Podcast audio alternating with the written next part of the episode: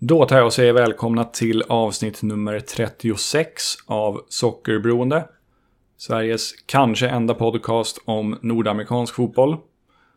Jag heter Johan Dykhoff och i det här avsnittet har jag intervjuat ingen mindre än Sebastian Mattsson som är poddare, författare och tidigare sportjournalist på Expressen. Under tiden på Expressen arbetade Sebastian mycket med bevakning av Premier League och det är just i egenskap av Premier League-kunnig som han gästar Sockerberoende. I den här intervjun pratar vi nämligen en hel del om de amerikaner som har spelat i Premier League och även de engelsmän som har spelat i MLS. Därutöver pratar vi bland annat om hur Zlatans flytt till LA Galaxy påverkade bevakningen av MLS på Expressen varför fotboll är något av en vänstergrej i USA, det amerikanska herrlandslagets stabbighet och huruvida Tim Ream är den sämsta mittbacken som någonsin spelat i Premier League.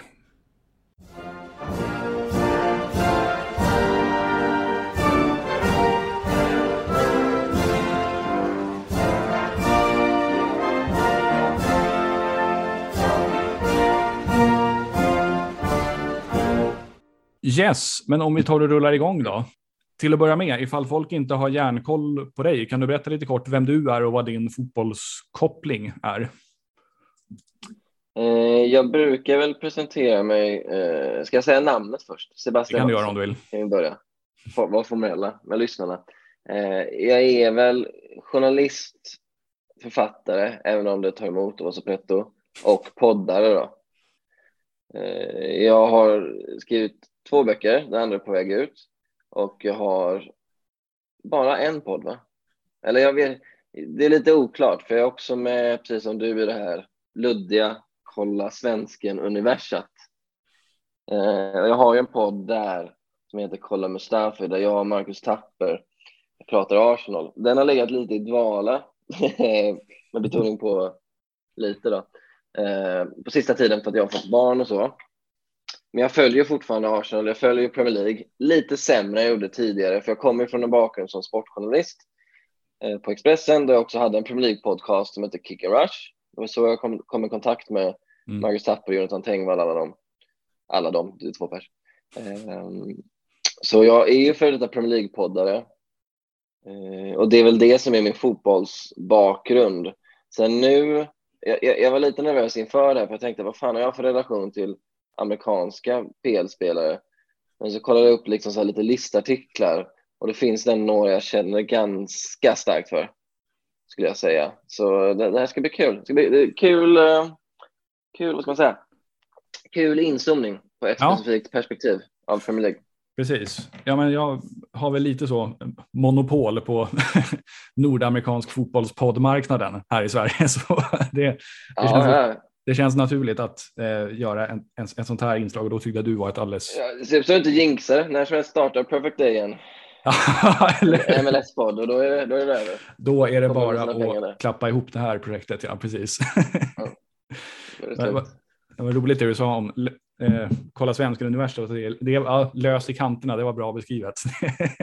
det ja, det, det, det verkar vara en ganska fin och varm familj, men eh, skulle någon sätta en pistol mot mitt huvud och liksom förklara vilka de alla är så hade jag, hade jag dött tror jag.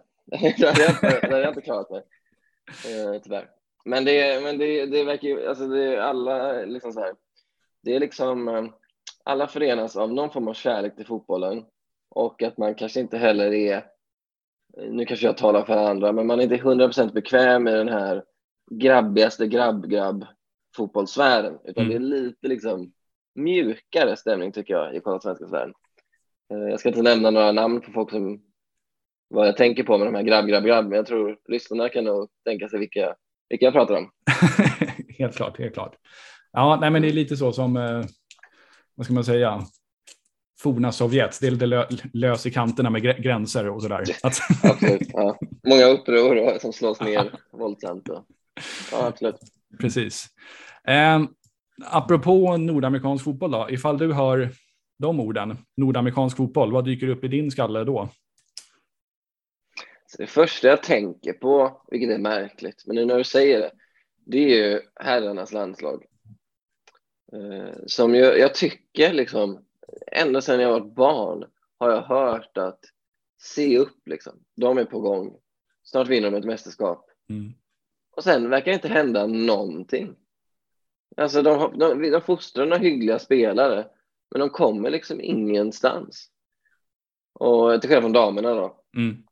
som jag har en helt annan eh, vad ska man säga, konkurrensbild i och med att eh, damfotbollen har ju varit så underprioriterad i andra länder där fotbollen är jättestor. Så de har ju liksom dragit nytta av det. Eh, på ett sätt. Men, men det, så det är väl det jag tänker, just landslaget, att man har läst så många typ Simon Bank-texter, så här, Mm. 5000 tecken. Kanske man läste så här 2007, att nu är de på gång. Liksom. De eh, satsar jättemycket pengar. Eh, de har otroliga träningsanläggningar. MLS växer så det knakar. Liksom. Så det är väl det. Och sen tänker man väl på MLS. Eh, jag jobbade ju, ja, jag hann faktiskt jobba kvar på Expressen medan Zlatan var i MLS. Så såg man ju lite, inte hela matcher för de var ju så sent, men man såg ju ganska mycket ändå liksom. Eh, highlights och längre, längre sjok och sånt. Så man fick en bild av det där. Och eh, sen följer vissa så amerikanska fotbollstwittrare. Alltså Mm. även så här amerikaner som twittrar om Premier League. Det finns en som heter Yankee Gunner till exempel och så finns det ju, vad heter han eh, som är så jävla tvärsäker? Han Grant Wall. Han heter någonting, lat- nej, ja, han, fast han är lite lugnare tycker jag. Han, är, han verkar vara lite nördig och så här. Ja. Men det finns en amerikansk för detta spelare, jag tror han bara har spelat MLS, som heter någonting italienskt. Alexi Lalas. Eh, måste... Nej, inte han. Eh, jag kommer inte på honom. Han heter Paolo eller så. Ja, eh, men eh, han också ju, Alexei. Eh, också så här tvärsäker. Och det tycker jag är kul, för då är det liksom så här. De har ju en annan Eh, så här expertkultur i USA, i amerikansk fotboll. en, en, nu börjar i och för sig engelsk fotboll med de här experterna komma efter lite så här.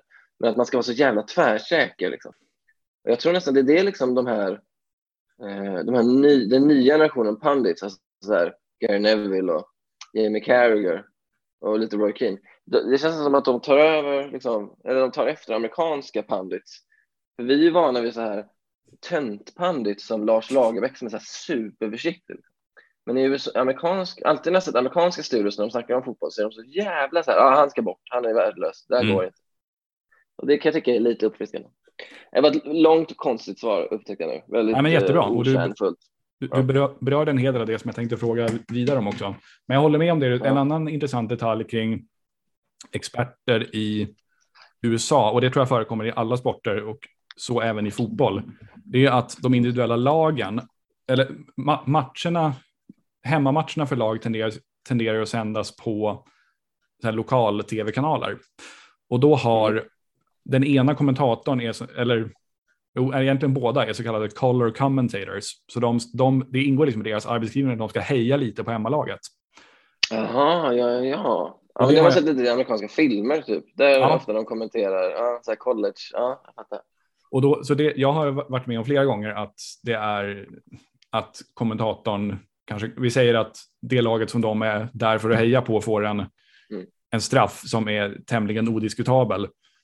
Men då, då, då opponerar de och säger, "Ah, nej, det där vet jag inte om det var det där verkligen straff liksom. Och så är det en så här eh, Roy Keane på Håland tackling i straffområdet. Ja, men det- tycker ändå att nej, det är gult kort för filmning. Ja, lite så. Han, han, han fejkar sitt brutna ben. Alltså tänk, tänk att liksom ge ett sånt uppdrag till Olof Lund som är så superetisk. Liksom. Att bara, nu måste du heja. Han, han, skulle, han skulle få stroke. Ja. Ja, nej, det där, nej, det där är, det är, det är inte en superbra grej kanske som fenomen betraktat. Får man ju säga. Nej, och det är nästan lite också fördummande tycker jag. Att, alltså, det, det är nästan så att, så att det blir nästan lite så kla, klappa på huvudet gentemot tittarna. Att eh, ja, men, okay, Ja. vi, vi hjälper dig att känna så som vi vill att du ska känna. Eller i egenskap av supporter i det hemmalaget. Så, nej, jag, jag har otroligt svårt för det, verkligen.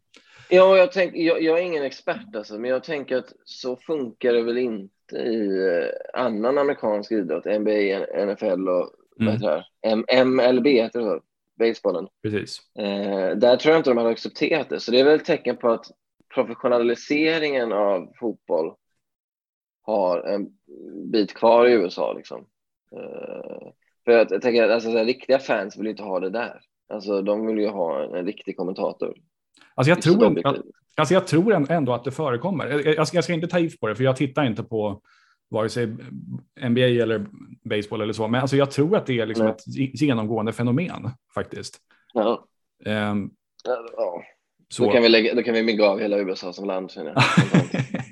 men det är ju det här, de tar alltså, de är såklart jätteduktiga vid idrott, men mm. de, det finns ju fler inslag som liksom eh, vittnar om att de betraktar sporten mer som en produkt än som eh, rättvis tävlan. Till exempel, sen kan man tycka det är bra låt med de här eh, draftreglerna i NHL som är bara mm. gjord, eh, konstruerad för att lagen ska bli så jämna som möjligt för att eh, gynna fansen. Och det, det är liksom så här, ja, det, det, finns väl något sympatiskt i det, men själva liksom grundtanken är ju att göra en så spännande produkt som möjligt. Och mm. Det tänket vill man väl inte riktigt.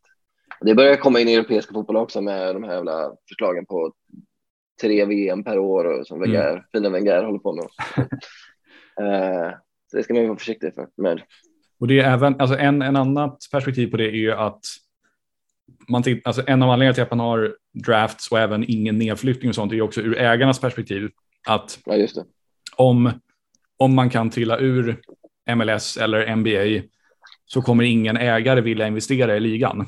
För de kommer, inte, de kommer inte hosta upp 600 miljoner dollar för ett lag som kan åka ner i farmarligan typ.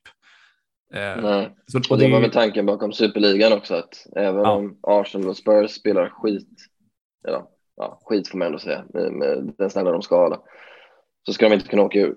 Nej. Nej. Precis. Det är trist. Ja. Eh, apropå din tid på Expressen, liksom, hur, hur talades det om MLS bland dig och dina kollegor i den mån det överhuvudtag överhuvudtaget talades om ligan? Ganska lite tills Zlatan kom såklart. Det var en stor förändring.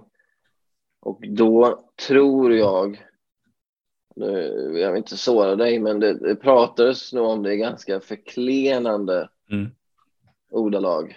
Eh, vilket är lite orättvist. Men jag, jag, tror så här, jag tror man liksom man tyckte väl att ligan höll ungefär allsvensk klass, i alla fall bortifrån topparna som klart är högre. Carlos Vela och Zlatan är såklart mycket bättre än några som spelar i allsvenskan. Men, eh, men med, med, mediannivån, medianspelaren var liksom så allsvensk klass.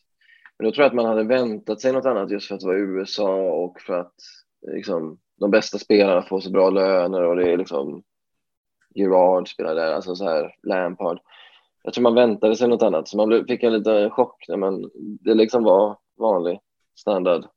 All, är det rättvist att säga att det är allsvensk klass? Jag vet inte riktigt hur, allsvenskan är väl rankad typ 26 i världen? Ja, i Europa i alla fall. Um, ja. Sen är det inte jättemånga ligor utanför Europa som kanske skulle placera sig hö högre ändå, men. Ja, det är kanske de här sydamerikanska finns väl några. Ja. ja.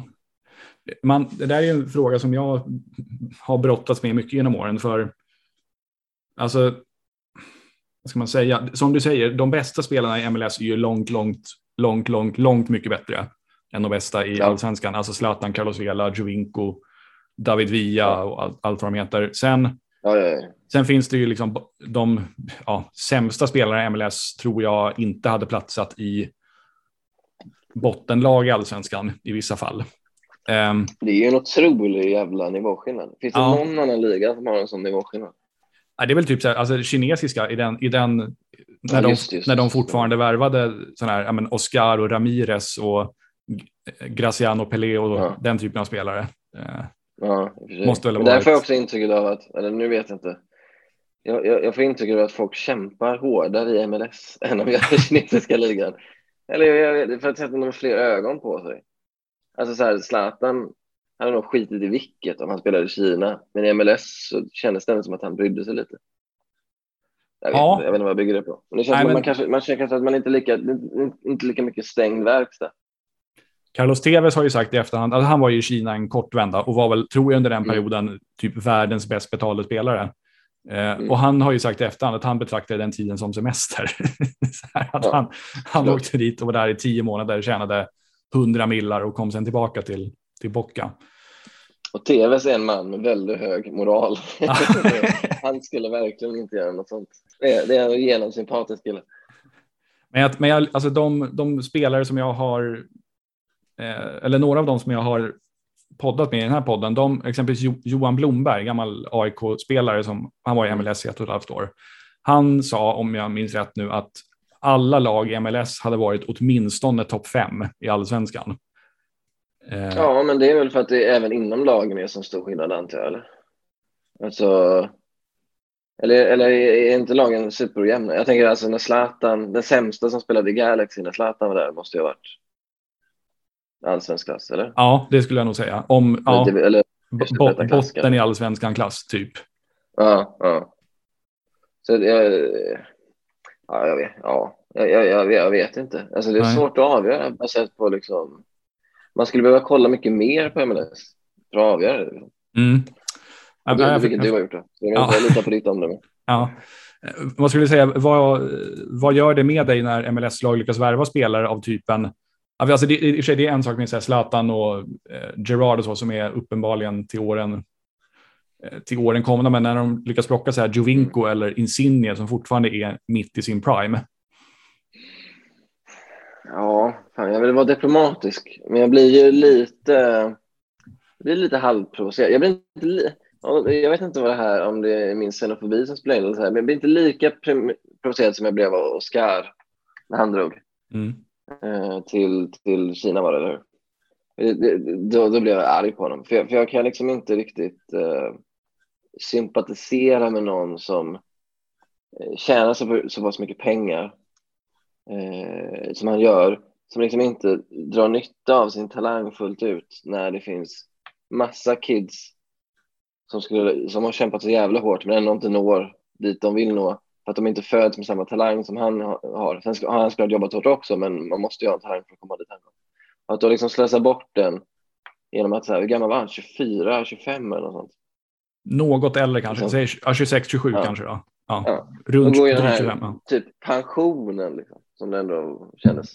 Eh, det blev jag provocerad av. Vi är inte lika provocerade av eh, MLS-grejen. Mm. Sen är det ju liksom, det är ju, Alltså Insigne var ju asbra i EM nu. Eh, det känns ju som att han skulle ha, man skulle vilja se honom i eh, en annan liga i så fall. Alltså en annan toppliga i Europa. Det känns mm. som ett lite av ett jag, inte, jag är inte så det men det känns som lite av ett slöseri. Men, jag, ja, men jag det är samtidigt jättekul för MLS. Alltså, problemet med MLS är att det vore en grej om MLS, om de, de spelade Champions League för då kunde man ju liksom på något sätt dra nytta av att de är där. Men eftersom man inte kollar på MLS, då är det som att så ja, nu har Insigne försvunnit för en. Mm. Okej, borta. Ja, man kanske får se dem i landslaget också. Men ja, det är ja. lite som att de försvinner. Jag förstår. Ja, där, där, har ju MLS enda, eller i det här fallet då Toronto FCs enda USP i det här fallet var ju att de, har, att de kunde tänka sig att betala honom mer pengar än någon annan klubb. Och ja det var uppenbarligen väldigt viktigt för honom att han kunde. Ja, vad fick han nu? Han fick nästan dubbelt så mycket som Carlos Vela tjänar och alltså han är typ dubbelt så bra betald som den näst bäst betalda spelaren i MLS historia. Eh. Ja, men alltså så, så, bra som han är liksom så är det väl, är det väl logiskt. Alltså mm. logiskt. De här lönerna är galna, men ja. alltså med den statusen han håller ändå. Så ja, det är, det är en otrolig... Hur gammal är Insigne? Vad är han? 28? Nej, Nej jag tror han är 30 eller om han till och med fyller 31 i år. Han är inte jätteung. Ja, eh, så Nej, det är i och för sig så. Ja, men ja. ja bra mm. värvning. Ja. Hoppas han trivs i Toronto. Man vill, man vill ju också att någon av dem ska liksom göra den här, ja men typ eh, Ted Lasso, Lasso att de kommer dit och inte bryr sig, men så börjar de plötsligt bry sig. Mm. det är liksom en del av staden och liksom kan inte någon i alla fall göra det? Alltså, även om någon har gjort det, men att de verkligen börjar bry sig på allvar och liksom bli en del av staden och bli en legend och sen gråter när de pensionerar sig. Eller, ja. alltså, jag vet inte, finns det någon liksom, sån stjärna som, där man, du, du som har följt dem, där mm. man liksom känner att man genuint kan tro på att de bryr sig och jo, jo, det, brinner det, för laget och så? Det tycker jag absolut. Alltså i synnerhet de som har varit där. Alltså Zlatan definitivt. Han, han var ju liksom en jävla tyrann i, i LA ja, Galaxy. Ja, så det, han bryr sig. Han ja. Bryr sig ja. Och samma sak med så David Villa. Han var ju där i tre, fyra eller fyra, fem säsonger till och med. Och det var när man såg Mm. honom spela var det helt uppenbart att det här betydde någonting för honom. Ja. Eh, och sen är det också ett helt gäng spelare som har kommit till MLS och lagt av där och sen stannat kvar och kanske jobbat som till, coach, alltså i, Mm. i klubben sen. Eh, Liam Ridgewell, Mm. apropå engelsmän, är en sån. Mm. Eller han, han, Mm. han gjorde så, han kom väl till Portland, spelade ett gäng säsonger, flyttade sen tillbaka till England, men har nu flyttat tillbaka till Portland igen. Okej. Så han har liksom uppenbarligen knutit an till staden så. Eh, Ja. Har vi med för några? Danny Dickio, kommer du ihåg honom? Gamla Sunderland-anfallaren. Mm. Nej. Eh, han var in, inte speciellt bra i Premier. League, men han flyttade till Toronto för ett gäng år sedan eh, och spelade med dem under deras första år i Premier League och eh, la av där och har jobbat som tränare i deras typ akademi i tio år eller någonting. Okej, Så det, ja. det händer ändå hyfsat ofta. Det verkar som att spelare Mm. fak- faktiskt trivs med att bo där, alltså amerikanska livsstilen och sådär. Eh, Jo, det kan jag tänka mig. Mm. Eh, sen Toronto är kul. Det är Toronto är säkert nice också, men jag undrar om Insigne trivs där. Ja, det, det, är ju, det är ju jävla skillnad mot Neapel kan jag tänka mig. det är verkligen. Ja, det är ändå, fast kanske säkrare ändå. Neapel är ju precis. galet. Precis. Eh, apropå ehm, din Expressen-bakgrund så tänkte jag fråga, må hända en konstig fråga, men i, i Sverige så är det väl typ tre, fyra utländska fotbollsligor som är någorlunda stora och som får regelbunden bevakning Mm. från media. Det är engelska, italienska, spanska och kanske i någon mån tyska. Men tror du att det här är cementerat för överskådlig framtid? Alltså om, om, om 30 år, när du och jag är nästan pensionärer, kommer Expressen Mm. och Sportbladet, och de fortfarande finns kvar, bevaka samma ligor då, tror du? Alltså det är avhängigt liksom. Det, det är ju ett växelspel där. Eh, dels, alltså så här, man, medierna följer ju folkintresset samtidigt som medierna till viss del skapar Mm. folkintresset. Och det är svårt att veta vad som är hönan och ägget där.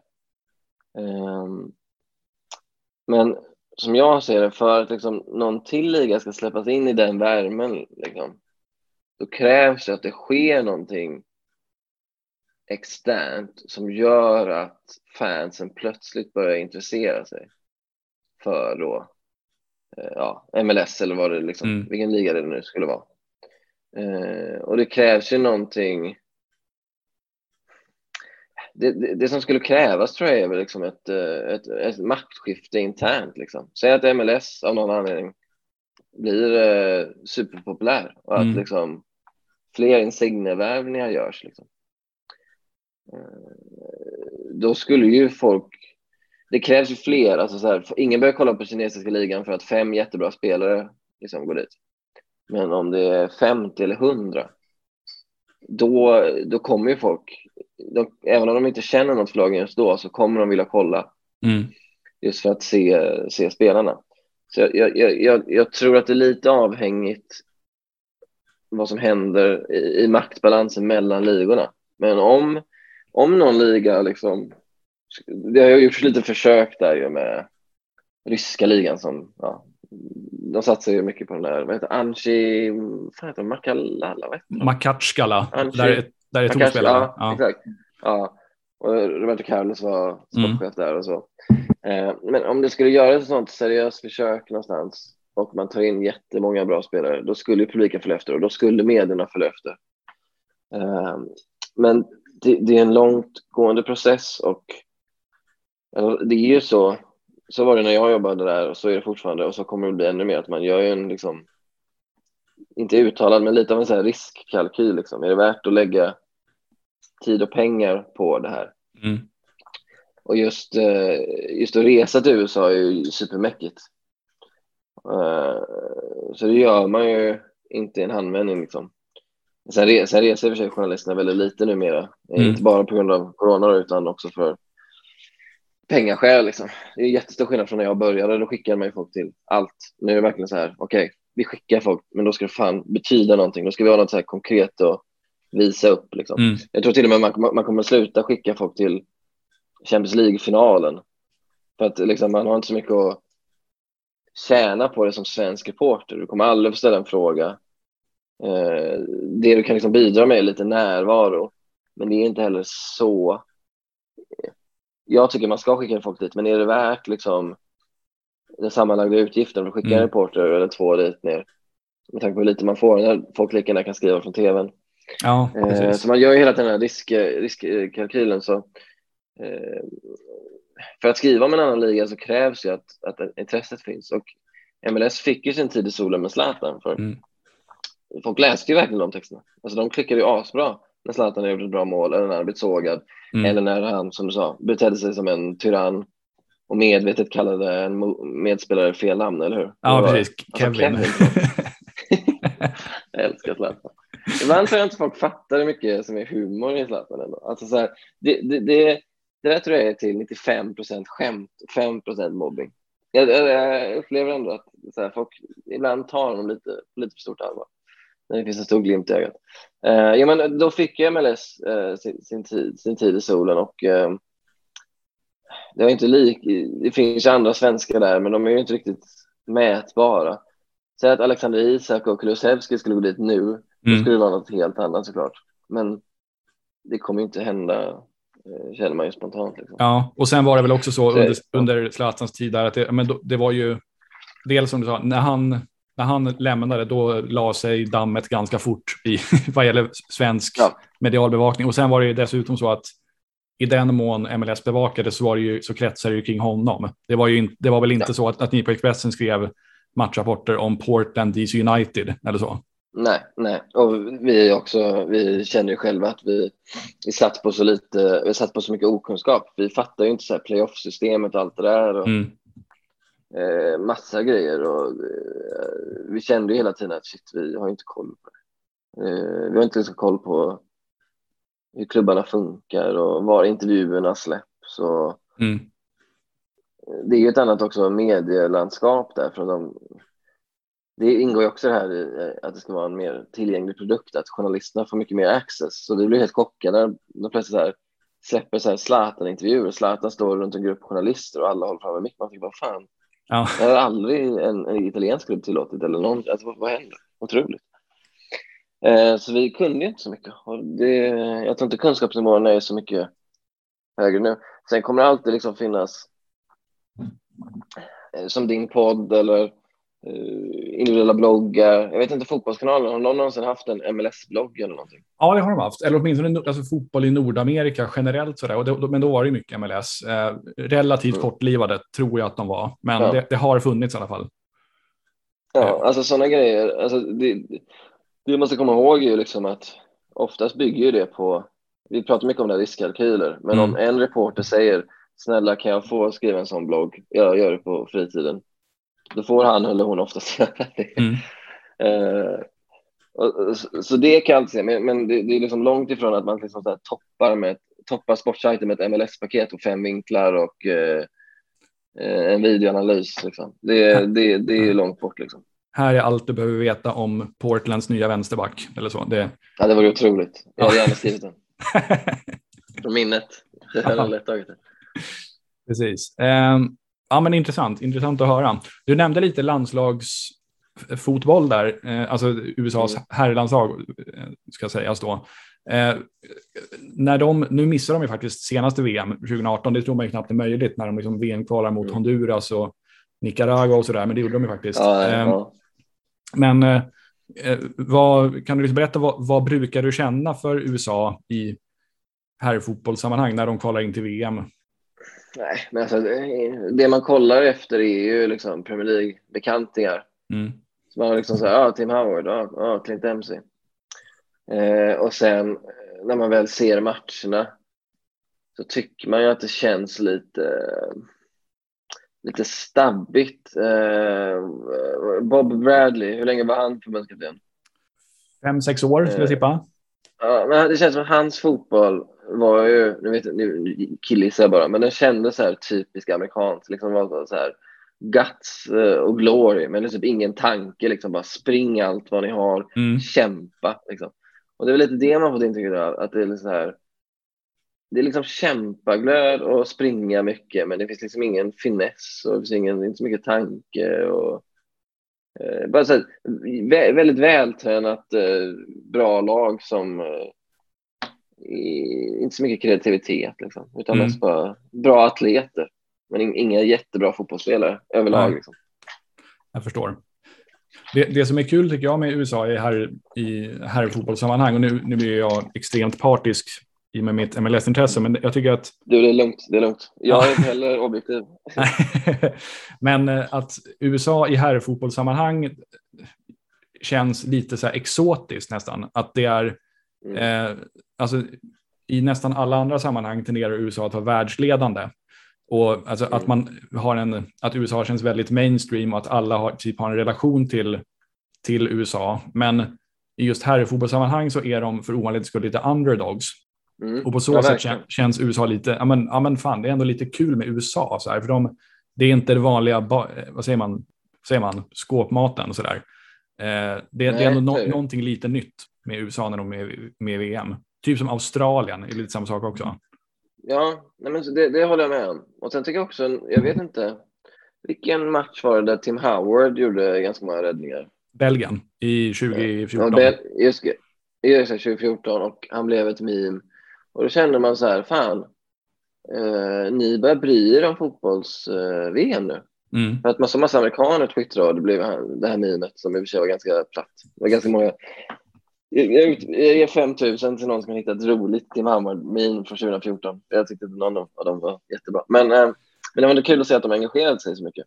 Och då tänkte man kanske här, fan är det här ett paradigmskifte ändå? För att eh, börjar folk bry sig så här, då kommer saker hända. Mm. Alltså allmänheten, börjar amerikanska allmänheten sitta och kolla, lära sig Tim Howards namn. Liksom. Eh, det tyckte jag ändå var, var, var en frisk fläkt. Liksom. Så jag Mm. vet inte om det intresset har hållit i sig. Det är ju ett problem med tidszonerna och allt det där. Men, eh, alltså jag, jag, jag har verkligen ingen antipati gentemot amerikanska fotbollsspelare. Jag tycker heller inte man jag ska komma på någon, men jag tycker de som man har koll på eh, som spelar Premier League, alla de verkar vara ganska eh, schyssta, low-key, lågmälda. Alltså Mm. verkligen Dempsey, Brad Friedel. Alltså så här, varje gång man såg intervju med dem så tänkte man ah, det här är inga divor.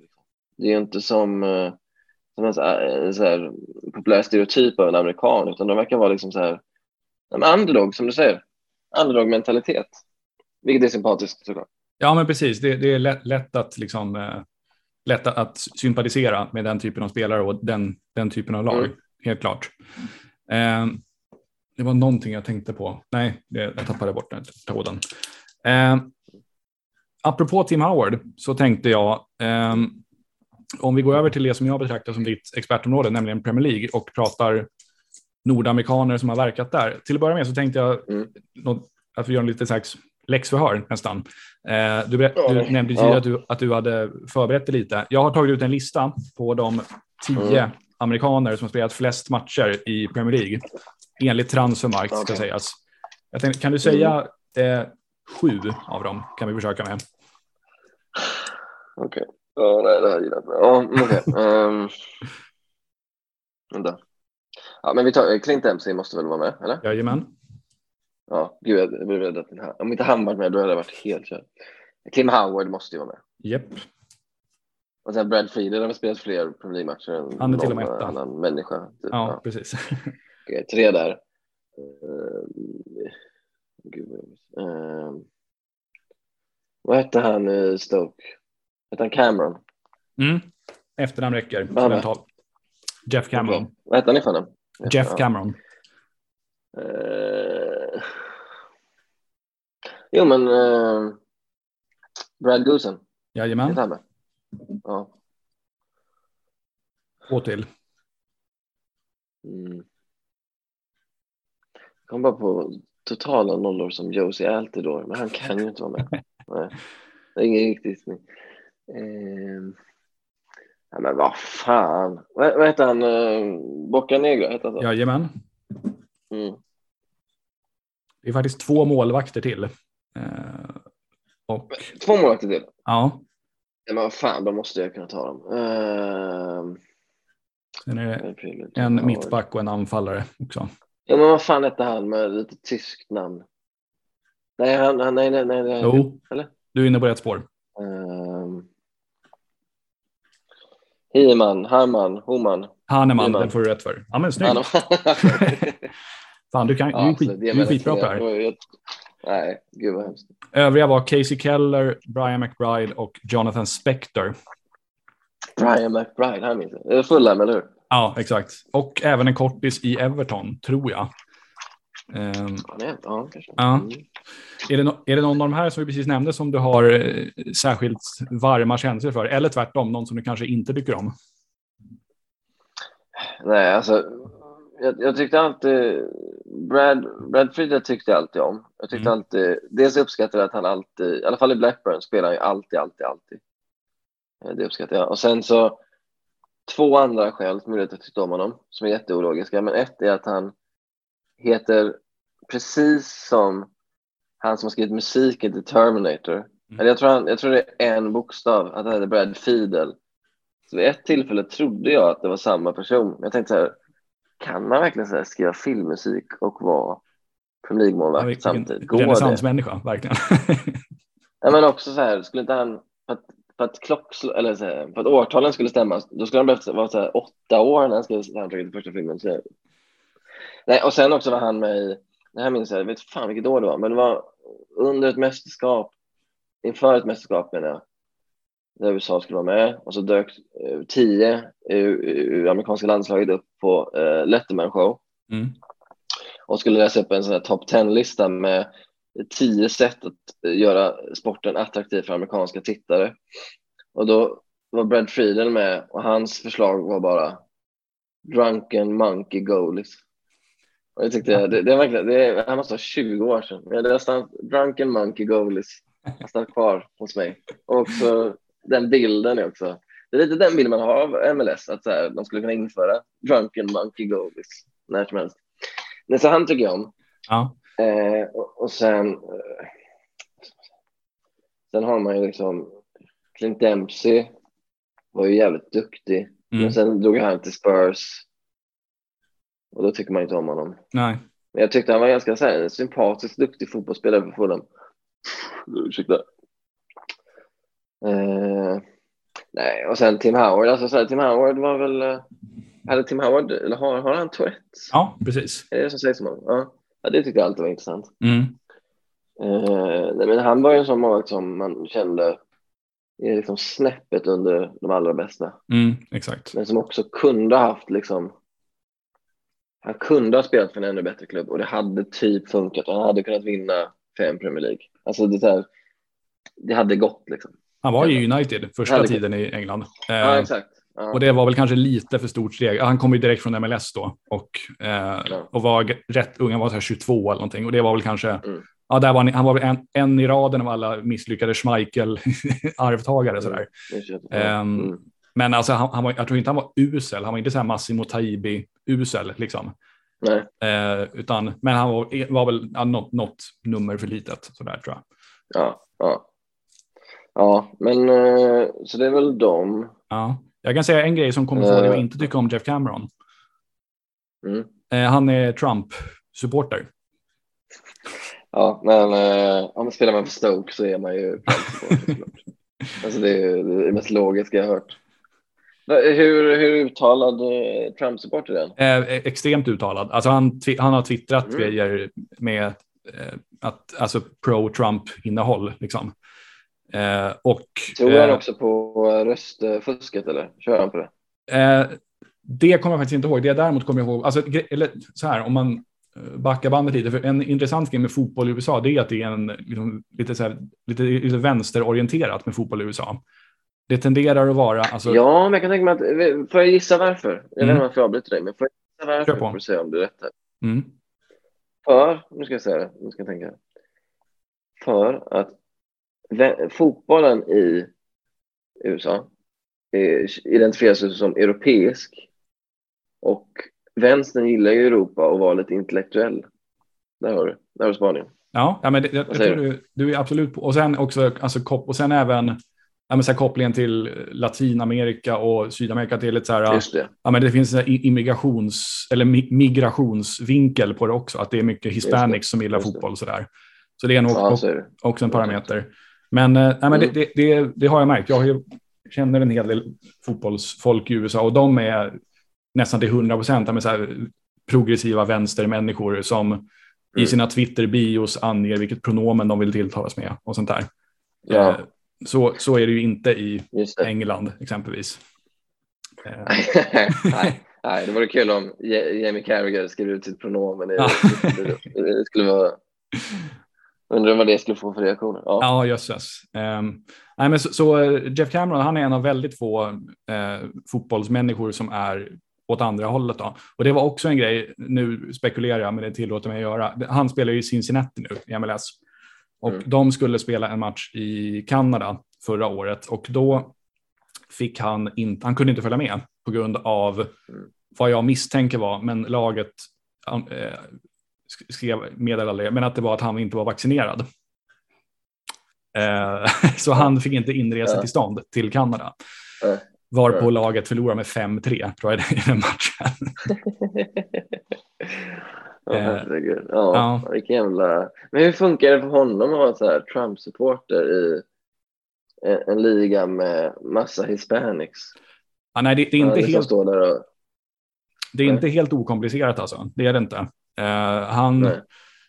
Sen, jag tror ett, ett, annat problem för honom är att han har aldrig haft någon vidare landslagskarriär, så han har liksom heller inte fått det här, liksom, nat den här nationella han har aldrig varit, jätte, han har aldrig varit jättebra i någon VM eller så, så han har liksom all, aldrig byggt mm. upp någon slags kärlekskapital på så sätt heller. Så, nej, han, han är rätt mm. impopulär. Sen finns en annan, ännu mer extrem, fast mycket mer okänd spelare som heter Andrew Carlton, som är, han är ung, han är bara 21, 22 någonting.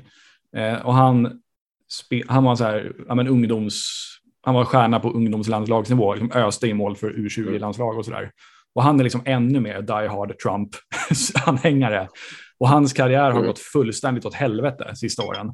Ja, ja. Eh, bland annat så eh, i samband med den här stormningen av Kapitolium så la han upp någon bild på Instagram där han skrev så här I'm on my way eller någonting med en så här. Ja, med, med en, men det, det måste, blir han inte straffad av ligan för det? Det är väl eh, olagligt? Jag tror, när jag blev det är olagligt för honom, men det är att så här, man skriver att man ska delta i en olaglig stormning.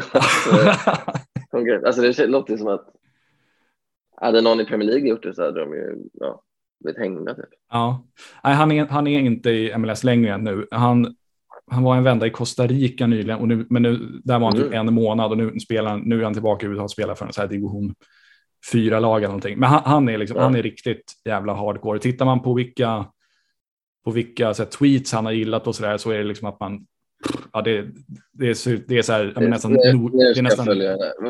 Vad, sa du att han hette? Andrew Carlton. Andrew Carlton. Det här är min nya, mitt nya favoritkonto. Skriver han också saker? Kommer jag få content nu när jag följer honom? Eh, ja, han skriver en del. Och han är tydligen eh, föga förvånande mycket inne på eh, kryptovalutor och sådär. Andrew Carlton, graphic artist. Eh, ska se, han har ja, en sån blå Efter att vi spelat in så får du eh, skicka Andrew Carlton till mig. Ja, jag hittar inte honom. Det ska jag göra. Det här, det här vill jag verkligen följa. Ja. Ka, alltså, det stavas Karleton. Stavas det. Eh, det, det är ett E där. Ja, nu hittar jag. Ja. Faith, Family and Freedom. Ja, exakt. Ja, det, King. Absolut. det ringar in hans personlighet rätt bra. Han är en fullkomlig jävla dåre. alltså. Så. Ja. Jag, jag, han, ja, han, jag tror han, eller, ja.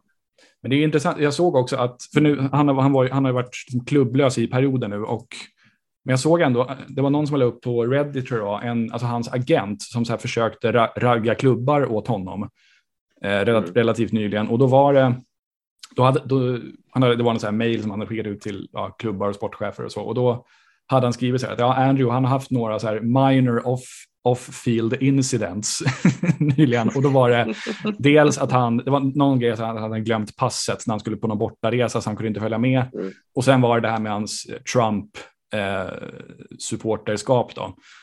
Eh, ja. Och eh, han, jag, jag, tror nog han, han har nog bränt sina broar i USA. Jag tror inte han kommer kunna spela i MLS för det skulle bli sån. Men han, är, är, han, är han duktig eller? För du sa att han har varit duktig på ungdomsnivå, men ja, han, alltså, hade han kunnat ha Alltså han har inte bevisat så mycket på seniornivå, det, får man, det måste man ändå säga. Och nu, han är ändå bara så 21, så ja, no, no, någonting har han ju uppenbarligen. Sen Men jag tror inte det kommer bli något i MLS av honom. Eh, för alltså fansen Han kommer nog få en chans i Arsenal. Det får, det får ju alla. och bli, ja, Arsenals eh, historia av amerikaner. Aubameyang ersättare. Ja, eller Han skulle göra mer, för, han skulle kanske göra bättre från sig än Gedeon Selalem i alla fall, i, apropå amerikaner i Arsenal. Ja, han, han vill, jag vill nästan ställa dig till svars för Gedeon Selalem. Alltså, det, var, det, var, det var en jävla... Han, var en, han skulle bli den nya Fabregas ju. Mm. Han kom upp i Arsenal-akademin.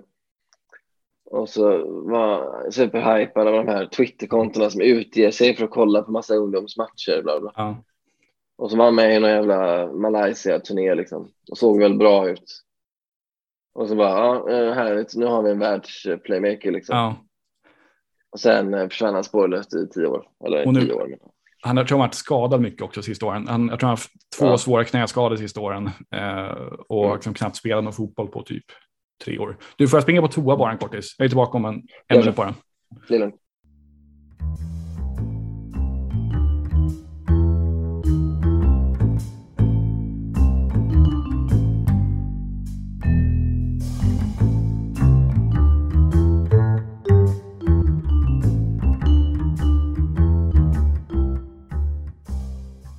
Sådär, ursäkta. Jag drack en energidryck innan, då blir det lätt sådär. Eh, Jag förstår. Jag är inne på Carltons eh, Twitter här. ja, Du sa inte att han var Spurs-supporter. Det var en obehaglig upptäckt. Jaha, är det ännu, ännu mer eh, som ligger i fatet för hans del? Han är inte bara halvnazist, han är dessutom spörsare. Nej, det gillar jag inte. Det gillar jag inte. Men det är, alltså, det, jag tycker det är Ja. sjukt intressant det där eh, med spelare som, liksom, vad ska man säga, på eget grepp fuckar upp sin karriär. Eh, Mm. Egentligen tycker jag, jag tycker egentligen allt sånt, jag har varit nästan, bes, jag är nästan också besatt av så här kändisar som fuckar upp sin karriär. Men Så här, Rektor Hamid och Soran Ismail personer. Mm. Jag, tycker det är så, jag, Ja. jag tycker det är så otroligt intressant när det blir Jonathan så- Tengvall. Jag är också med på den. Är han också där? Tycker jag ändå. Ja, Nej, men tycker- när det blir sådana extrema liksom, hack, hack i karriärkurvan och sådär. Jag tycker det är asfascinerande. Så Mm, jag, det är med mm. stort intresse som jag kommer följa eh, Andrew Carltons fortsatta fotbollskarriär. Ja, men det är heller omöjligt alltså, man, eftersom man aldrig får något facit. Det är inget som så här kommer och säger ja, ah, Andrew Carlton kunde ha blivit eh, första amerikanen att göra 20 mål på en säsong i Premier League. Alltså det, det, det, vi vet ju inte. Vi har ingen aning. Alltså, så här, det är ganska många sådana. Och det har vi också, jag och Marcus Tapper pratat mycket om när vi har om gamla Arsenal-talanger. Att så här, vet man fullt ut att okej, den här killen blev inget för att han inte var bra nog. Eller var de här, liksom så här små, små så här mikroomständigheterna som om det bara gått, om det bara blivit lite, lite på det glaset och det hade varit lite, lite annorlunda hade de kunnat bli någonting. Omöjligt att veta. Liksom. Man är men glad att man inte är en sån spelare som måste gå och fundera resten av livet och känna så här att shit, jag kunde kanske ha... Ja. ja det Det är var läskigt det där. Ja, det var ju någon reportage i Aftonbladet för ett gäng år sedan om en gammal svensk ungdomslandslagsman som nu sitter, tror jag, på livstid för det här. Det var ett mord på en, res, en restaurang i Biskopsgården för ett antal år sedan. Ja. Josef någonting hette han. Det är ett, ett sånt, Ja. Josef och sen Ja. ett, ett typ arabiskt namn och ett svenskt efternamn. Um, Abdul Rahman Hellgren eller något sånt hette han. Var liksom alltså en Ja. överjävlig fotbollstalang. Men han hade Mm. ex, extremt struligt vid sidan av planen. Då. Och Ja. då var en fråga som någon av hans gamla tränare fick var så här, okej men om han, om han hade vuxit upp i Örgryte istället för Biskopsgården, tror du han hade varit fotbollsproffs Mm. idag? Varpå den här Mm. tränaren sa, ja, utan någon som helst tvekan hade det varit så. Ja. Ehm, Ja. ja, och, så är det ju såklart. och, ja, det, Och det är väl också en intressant, eh, det är en intressant, när du kom in på det, alltså, jag upplever väl att US, i USA är väl fotbollen eh, en medelklasssport mm, i mångt och mycket, eller?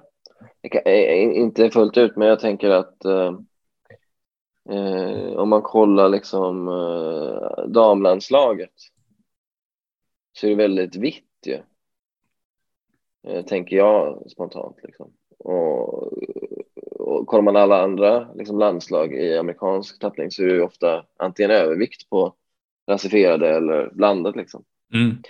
Eh, jag, vet, jag har ingen djupare spaning än så. Nej, nej men, Men jag, tror känns du, jag tror absolut att du har rätt i det. Att det har varit ganska få mörkhyade eller hispanics ändå i amerikanska A-landslaget. Alltså det, så jag menar, vi har haft Damarcus Beasley, Josie Altidore, eh, några Mm. sådana här med his, eh, latinamerikansk på. Men det, jag tror nog ändå att, det att de är underrepresenterade sett till befolkningen generellt. Absolut, det tror jag. Ja. Eh, och vad det beror på kan Ja, man... det, är, det är intressant jag Ja. tror, ja, det känns som att USA har ju... Att fotbollen har ju liksom... Fotbollen är väl inte liksom folkets... Eller såklart, varför säger jag... Varför garderar jag ens? Jag vet ju att det inte är folkets sport i USA. Det är Mm. väl... eh, Vad fan är det? Fotboll? Baseball? Ja, Basket? Företrädesvis. Ja. Ja, liksom.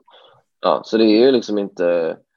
Det är ju inte sporten med stort S som den ändå är i så många jävla länder. Den, Mm. har ju, den är ju otroligt eh, dominant ändå om man ser till spridningen. Liksom. Sen finns det väl, pingis är väl större på grund av Kina, liksom, men Mm.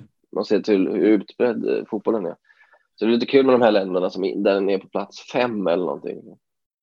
Det är alltid fascinerande. Ja, sen är det ju så med USA att alltså, i och med att det är ett sånt enormt stort land så även om fotbollen är sport nummer fem, vilket jag tror är någon slags vederta- vedertagen sanning, så Mm. det är ändå så pass stort, stor befolkning att om, alltså det går ändå att fylla arenor som tar 20-25 tusen. Även, Ja, ja. även för att det är sport, även fast det är sport nummer fem. Sen kan man också säga att Mm. alltså fotbollen som tv-sport är ganska stor. Alltså, men Mm. Däremot inte MLS. Alltså folk tittar på fotboll men de tenderar att titta på typ Premier League istället. Ja, Eller mexikanska ligan. Ja, okej. Så Men är det lite av en eh, hipstergrej då, Premier League? Eller? För ibland ser jag folk, amerikaner, twittra om Premier League. Och då går jag ofta in och kollar på det och då känns de lite så här, lite hipstriga. Alltså typ att de så här läser mycket böcker och så kollar de på Premier League. Och att det, det är säkert coolare än att kolla på NFL. Det är lite mer speciellt. ja, men e- exakt, och då, då kommer vi in igen på det där med att det är mycket progressiva vänstermänniskor som följer, som följer fotboll i USA. Att Mm. eh, det, det är liksom inte liksom Frank från Corpus Christi, Texas så, mycket, utan Nej, det, det är liksom menar, universitetsutbildade Ja. eh, ingenjörer eller här, stats, statsve, statsvetare och sådär. Det, det, ja, men det är lite så här, Mm. ja, men, ja, men som du säger, medelklass och med, medvetna människor.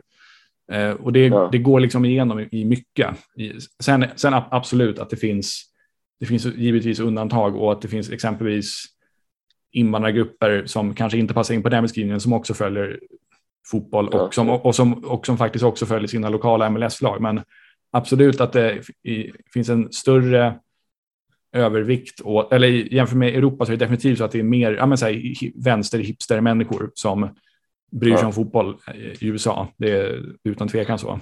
Men där tror jag, jag tror ju att det är svårt.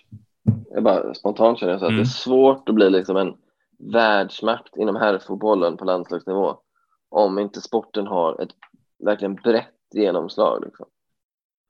Eh, sen vet inte jag, det, det, det känns ändå så för att i de allra flesta länderna där sporten de allra flesta som är jättebra på fotboll, där är också fotbollen jättestor. Alltså, Mm. eh, och det måste nästan vara så för att det är skillnad från jag vet inte vad, curling, där kan det liksom bli en världsnation även om en jätteliten del av befolkningen spelar curling. Men i fotbollen, där är något annat liksom. Där måste, eftersom det finns otroligt många som spelar fotboll så måste du, för att du ska liksom kunna bli någonting så måste en, en stor del av din befolkning spela den sporten. Mm. Och där är väl ändå en bit bort från USAs del, tänker jag.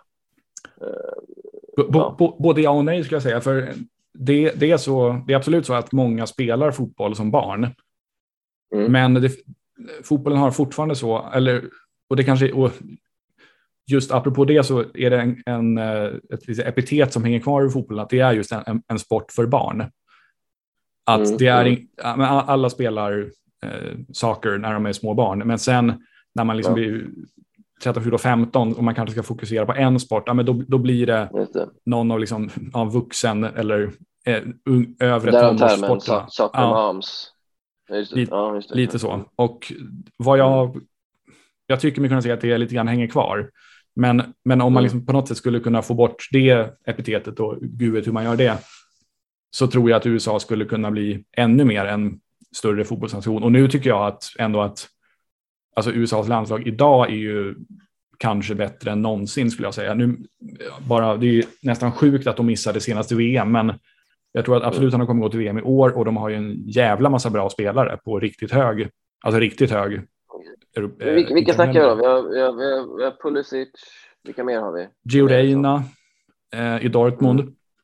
Vi har Zach mm, Steffen i Manchester City. Just det, just det. Eh, Serginho ja, Dest mm. i Barcelona. Mm, just det. Eh, vad har vi mer för några? Vi har... Ehm, eh, det, det, är ett, eh, en spelare som precis gick till Augsburg, det är ingen toppenklubb, men han är bara 18 bast och var väldigt bra i MLS nu eh, gångna säsongen som heter eh, Ricardo Peppi. Eh, Weston McKinney i Juventus. Mm. Eh, vad har vi mer för några? Vi har um, DeAndre Jedlin, eh, John Anthony Brooks. Eh, Matt mm. Miaska, Tyler Adams. Det. Så det är rätt många som ändå lirar på riktigt bra ja. nivå i Europa. Ja. Sådär. Så jag, ja. och, och, och, alla är liksom under 30 med marginal. Så mm. det bör, bör kunna vara ett, några rätt bra år för amerikanska landslaget nu framöver. Ja, alltså det är väl det är att de bygger upp en hype kring det också. Som jag väl ändå tyckte att de gjorde det där lite liksom med Tim Howard och allt det. Alltså, mm. det, för jag tänker så här att om man liksom blir Alltså om du spelar, om du är en tioårig nu utgår jag från killarna då, för det är en annan grej med, med tjejerna. Liksom. Mm. Där är ju amerikansk fotboll på en sån nivå. Liksom. De är ju bäst i världen. Typ. Eh, men om, om man är en tioårig kille i Sverige, liksom, där har du ju sån tydlig målbild eller dröm liksom. Medan jag upplever att är, är du tio år och spelar fotboll i USA blir du liksom påmind tillräckligt ofta om vad du kan uppnå liksom? Finns liksom Premier League, Serie A, alla de där top of mind för dig liksom? Kan, drömmer du om det eller är det liksom bara en, en high school sport och sen tänker du att ah, ja, jag men till skillnad från det med NBA och allt det där, mm. de, de stjärnorna är så närvarande där. Alltså stora liksom, NFL-spelarna och mm. baseballspelarna. Sen alltså så här, Zlatans eh, genomslag där och han fick med eh, Fallon och alla de där grejerna. Det, det vittnar ju ändå om att, han, att, att, att de har ju liksom, de kan ju mer om fotboll än vad jag, som jag tror säkert.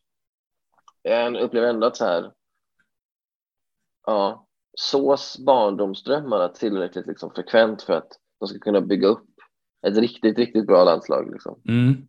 Det, är, det är en int intressant fråga. Jag, nyligen så intervjuade jag en eh, kille som är president för en supporterklubb till, till ett professionellt lag i Omaha, Nebraska, och det är verkligen så här mm. Middle America.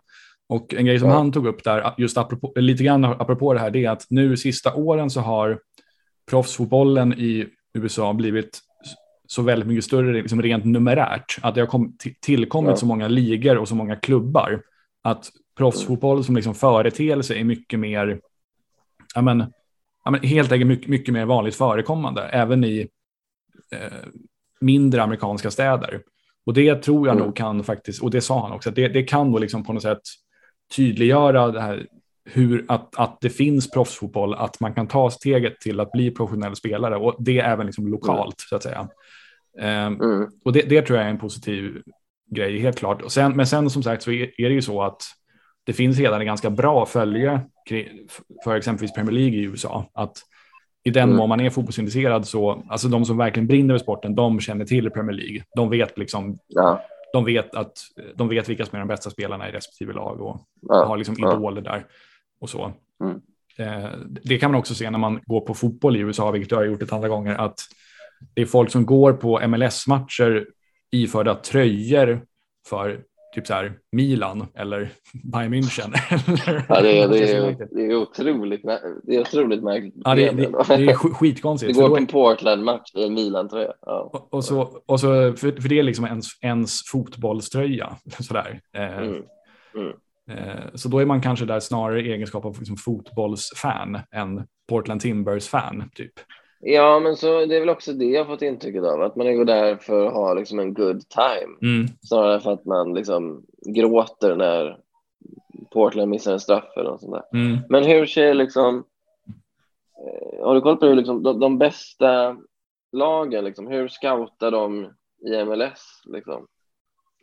Uh, hur, hur, mycket, hur mycket har de koll på vad som händer i MLS och de här kidsen och så? För det är ändå så här, det, vi är ju, de, de hämtar ju liksom amerikanska tonåringar nu har man ju sett, så de måste ju ha lite koll på vad som händer. Även oh ja. där.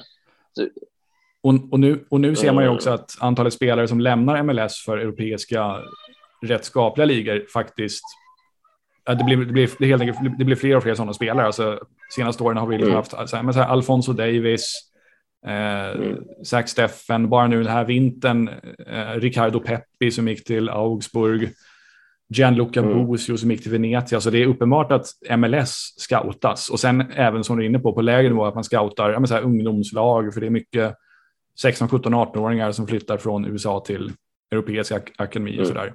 Så det verkar som att USA och Kanada ska sägas är ganska väl scoutat ändå. Eh, mm. Men sen dyker det alltid, alltid upp sådana här som typ Jeff Cameron som eh, nu är det en liten annan era, men ändå, han, för han, han gick ju på college i fyra år, vilket rätt många ja. amerikaner gör eh, som sen blir framstående i sin idrott. Men han, gick liksom, han, han var ingen stjärna på något sätt i, på college-nivå. Han blev draftad som ja. 45 eller någonting. Men, men han mm. hade uppenbarligen potentialen att spela 180 matcher i Premier League. Och mm. där kan man ju tycka att okej, okay, men han För ett äh, grott, grottlag i och för sig. Men, ja, äh, förvisso. Men... Under Tony Pugh. Liksom. Men, ja, men, mm. men där kan man ju tycka att om, om scoutingen från europeiskt håll hade varit eh, ändamålsenlig så hade någon snappat upp honom när han var 18 och liksom eh, mm snarare än att han skulle gå fyra år på college och sen draftas till Houston Dynamo i MLS och så sen gå till Europa när han var 24. Liksom. Ja, ja. Eh. ja, sen är ju världen är så enormt jävla stor så man tänker så här. Hur ska, hur ska liksom Barcelona ha koll på varenda världsdel? Liksom? Ja. De kanske missar någon kinesisk Messi som är 17. Eller är det svårare att missa sådana nu? För nu sprids klippen man ser ju varje dag liksom så här, ah, den här 15-åringen i Flamengo är otrolig, eller den här ja. eh, kazacken, han är 11, han dribblar förbi 25-åringar. Alltså, det, det, är väldigt, det är väldigt spännande där. Alltså att, och det, är också bara, alltså man, det handlar inte bara om USA, utan man kan ju liksom se Aubameyang kommer liksom från Gabon, mm. som typ aldrig väl producerat någon som är i närheten av honom. Liksom. Alltså hur upptäcks de? Hur, hur, hur är deras resa? Liksom? Det, som jag tycker är väldigt fascinerande. Och det är liksom så här, som du säger, att en, en enda grej kan gå fel. Så blir du aldrig upptäckt. Liksom. Ja, de kan halka du... in på något alt-right-forum och sen så är sen är karriären körd. så, det, så det är Så det är slut. Ja, eh. Eller... Också en sån som Tim, Re Tim Ream, mm. som ju var eh, den sämsta mittbacken Premier League har sett. I alla fall en säsong där. Hur fan kom han till Fulham?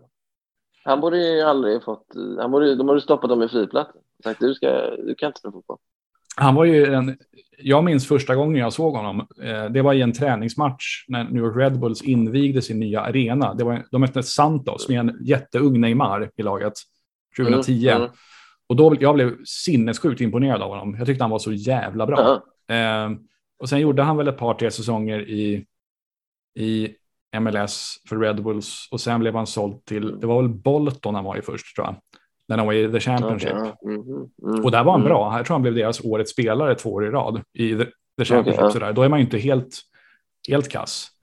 Men nej, nej jag dömer honom hårt efter den här sämsta Fulham-säsongen där ja. han också väl var Fulhams sämsta spelare också. Det ja. såg ut som att han inte ens visste vilken sport det var. Typ, ibland. Han är, lång, han är seg som fan. Han är väldigt trög, men eh, bra, han är väldigt bra med bollen. Ovanligt bra med bollen för att vara en amerikansk försvarare.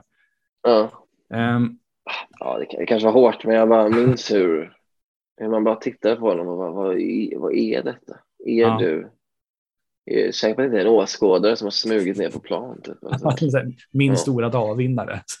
ja, exakt fulla med dem redan ute så de låter vem fan som helst. Vilken dödssjuk som helst. Ja, nej. Ja. Tim Ream är också en, han, har nog, han är nog den amerikan jag haft starka känslor för senast. Då. Med starka känslor menar jag att jag bara var i mm. Det är som hände. Ja. Ja, nej, eh, han, jag tror han kommer, han är från St. Louis och de ska ju få ett MLS-lag. Eh, så jag tror han kommer vända hem mm. och göra någon säsong eller två mm. där innan han, innan han lägger av. Eh, jag tänkte om vi vänder Det, det, det, det är det. Netflix-serien ska handla om. Så här. Du, du var världens sämsta fotbollsspelare. Du är slut, alla säger att du är slut. Sebastian Mattsson sitter i en podd och säger att du är skit. Kommer tillbaka, ny, nystartat lag. Det är typ eh, en vaktmästare och två spelare och du måste bygga upp det från grunden och vinna MLS. Så har du det så här. Ja. Apropå det, Han det kan finns... spela som samma kille från Cobra Kai. Även fast åldrarna inte är helt synkade. Så. Det finns en, apropå dokumentärer om amerikanska spelare, det finns ju en dokumentär om han Jay DeMerit. Kommer du ihåg honom? Han som spelar i Watford. Mm. Ja. ja, jag minns namnet. Eh, Eh, ja. Han var där i fem, sex år var till och med lagkapten ett tag, bland annat när han var uppe i Premier League. Och han, ha- han hade en helt sinnessjuk karriär, för han, han spelade på college i USA, blev inte draftad i MLS och fick, in, fick inte proffskontrakt någon annanstans. Så då, då flyttade han till England och spelade så här division 9 fotboll eller någonting. Mm. Mm. Eh, och så var det i en träningsmatch där det lag som han bara råkade tillhöra just för stunden mötte Watford i en så här Mm. preseason match. Och han gjorde liksom Mm. ja, sitt livs match i princip mot han, eh, Ja, ja. Heidar Helgusson, isländska eh, anfallaren. Och så kom Watfords tränare till då tränaren för det här division 9-laget. för Den där, den där mittbacken där, vad, vem fan är han liksom? Och så sa de, "Ja, det är en amerikansk kille som, vi, som är här, liksom, ja, han kom hit här veckan typ. Mm. Och så, fick, och så blev han inbjuden på provspel till Watford, fick kontrakt och spelade där i fem, sex år eller någonting. Otroligt. Att, att sånt, man är glad att sånt fortfarande förekommer. Ja, Att det fortfarande, han bara åker till England på chans.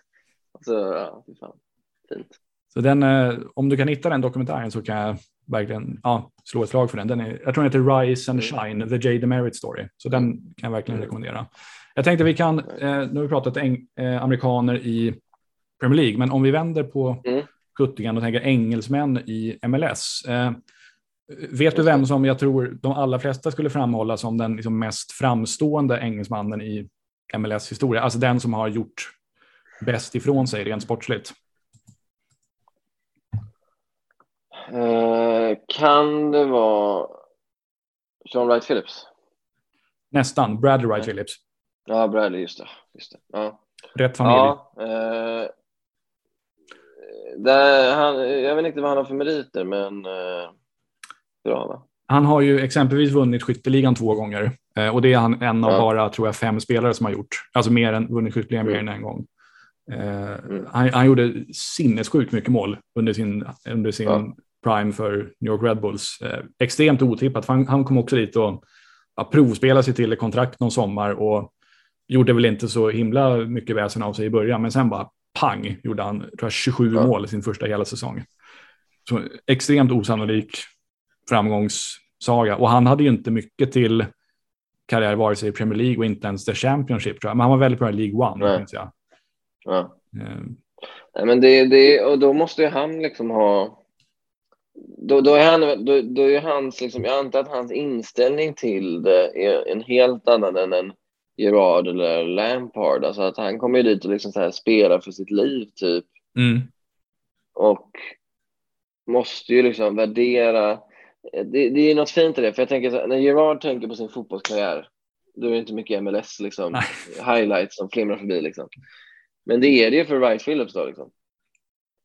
Eh, och, och det är ju fint i sig, antar jag. Och han måste ju vara väldigt omtyckt i, vil- vilket lag var han spelade i sa du? New York Red Bulls. Ja, jag känner New York. Ja men, ja, men, ja, men du fattar, han måste ju ändå Mm. vara en klubblegend och så. så ja. Ja, men absolut. Ja, jag, tycker, jag tycker också det är skithäftigt att det är så, ja, men det är sånt, man, man hade ju ändå lite, eller jag som hejar på Charlton, jag kände ju absolut till honom eh, i och med att han hade varit där och varit ganska bra, men han är väl en spelare som ja, men, fotbollsfans i England eller som följer engelsk fotboll, ja, men man hade lite, lite koll på vem han var så där, och man trodde väl att ja, men han kommer väl harva på i England på ungefär den nivån, men att, han, att hans, får man nog ändå påstå, bästa tid i karriären skulle bli i USA. Det hade man inte riktigt sett framför sig verkligen. Och den kom på ett så slumpartat sätt att han, han kom där och provspelade och lyckades få ett kontrakt sådär. Så ja, jag tycker det är skit, Mm. skithäftigt. Eh, Ja. En annan som var väldigt bra, fast det är längre tid sedan, var Darren Huckerby. Eh, om du minns Ja. honom. Gamle Norwich-legendar var han va? Ja, ja. Jag, vaga, jag minns namnet där, Huckerby, men jag har dålig koll på Men hur, vad- hur, okej, hur såg hans meritlista i MLS ut då? Han var i San Jose i två säsonger. Två, eller en, en och en halv eller om det var två säsonger. Ja, ett par, tre säsonger så här. och jag tror väl att han sin första säsong fick en Newcomer of the Year-priset, faktiskt MLS. Men han, Ja, han var mycket ja. äldre än vad Bradley, Bradley Wright Phillips. Han måste ha varit över 30 och det var, det var lite så att det var sista, eh, ja, sista svan, vad säger man, svansången av karriären. Eh, liksom. eh, men ändå, han, han, han är väldigt respekterad i San Jose Earthquakes-kretsar i alla fall. Eh, Det här är kul. Finns det några fler sådana engelsmän som har Ty-? Tyrone Mears, ytterbacken, var i MLS och var ordinarie när Seattle vann ligan första gången. Ehm, Okej, ja. och sen Liam Ridgewell nämnde vi ju, han var ju i Portland när de vann Mm. ligan. Ehm, Mm. Och sen har vi, har vi med för några, Nigel och Coker var ganska bra. Just det. Coke. I Vancouver. Ehm, vad kan man mer säga? Vilka, var, vilka varit störst besvikelse då? Man har inte hört. Jag, jag har ingen aning vad Lampard gjorde. Jag har ingen aning vad Gerard gjorde. Alltså, vad, vad hände? Sett, sett till de pengarna de, de, de var extremt välbetalda med MLS-mått mätt så kan Mm. man nog inte påstå att de var speciellt lyckade. Ehm, så nej, alltså, nej in, in, sport, äh, Lampard var no, skulle säga, något bättre än Gerard, men inte bra Mm. sett till de pengarna han tjänade. Andra som väl inte var några vidare Michael Mancien, eh, gamle, Mm. visst var han Chelsea? Mittback va? Ja, Michael Manson. Ja. Eh, pass på den. som det inte riktigt blev något av. Um, Jermaine Defoe gjorde en väldigt bra säsong i Toronto, men han drog efter bara ett år, för han, jag tror inte han trivdes riktigt. Ehm, och så bytte de honom. han trivdes i staden eller? Men, Ja, jag- men han gjorde många mål eller? Ja, jag tror han hade sett 12 Eh. mål på 19 matcher eller någonting. Ja, Så sportsligt var han bra, men det var no- Mm. han, trivdes inte antingen det var socialt eller med fotbollen bara. Att det, det var liksom inte riktigt hans Ja. grej. Och då, så då Nej. bytte de honom mot Josie Altidore, apropå honom, mot, mot Sandel. Jävla Josie. Ja. Ja. Eh, ett mål på Sandra. Ja. Ja, han har gjort två mål på 70 Premier League-matcher. Det är helt, helt otroligt facit verkligen för en anfallare. Det är yt- ytterbackar som har bättre målsnitt än så faktiskt. Mm. Ehm, ja, nej, men det, det, det, ändå, det, har varit mång, det har varit många eng- engelsmän i Premier League, absolut. Eller vad säger i MLS. Sen har det är ganska få som Mm. har varit riktigt bra dock. Mm. Mm. Innan vi avslutar eh, tänkte jag ge dig chansen Mm. att göra reklam för det du har lust att göra reklam för. Så shoot.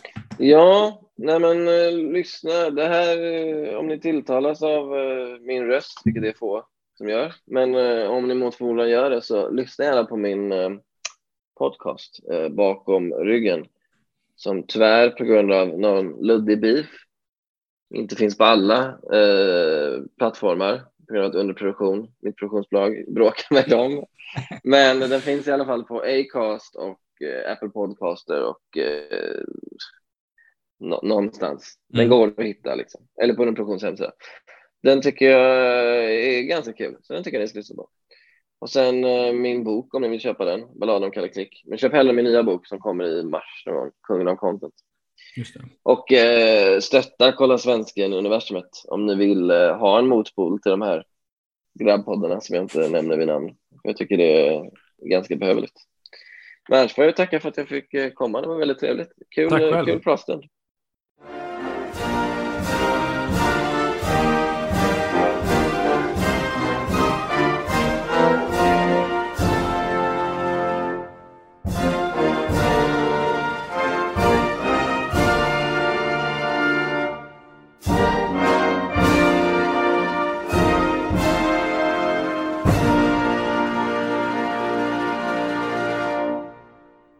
Sådär ja, då tar vi och tackar Sebastian Mattsson för att han tog sig tid att ställa upp på den här intervjun. Hoppas att ni tyckte att det var ett trevligt samtal att lyssna på. Glöm inte att följa Sebastian på Twitter. Där heter han sebmatspl. Och lyssna även på hans podcast Bakom ryggen. Och köp även hans böcker Balladen om Kalle Klick och Kungen av content. Tack så mycket för att ni har lyssnat. Ta hand om er och så hörs vi framöver i kommande avsnitt. Tja tja!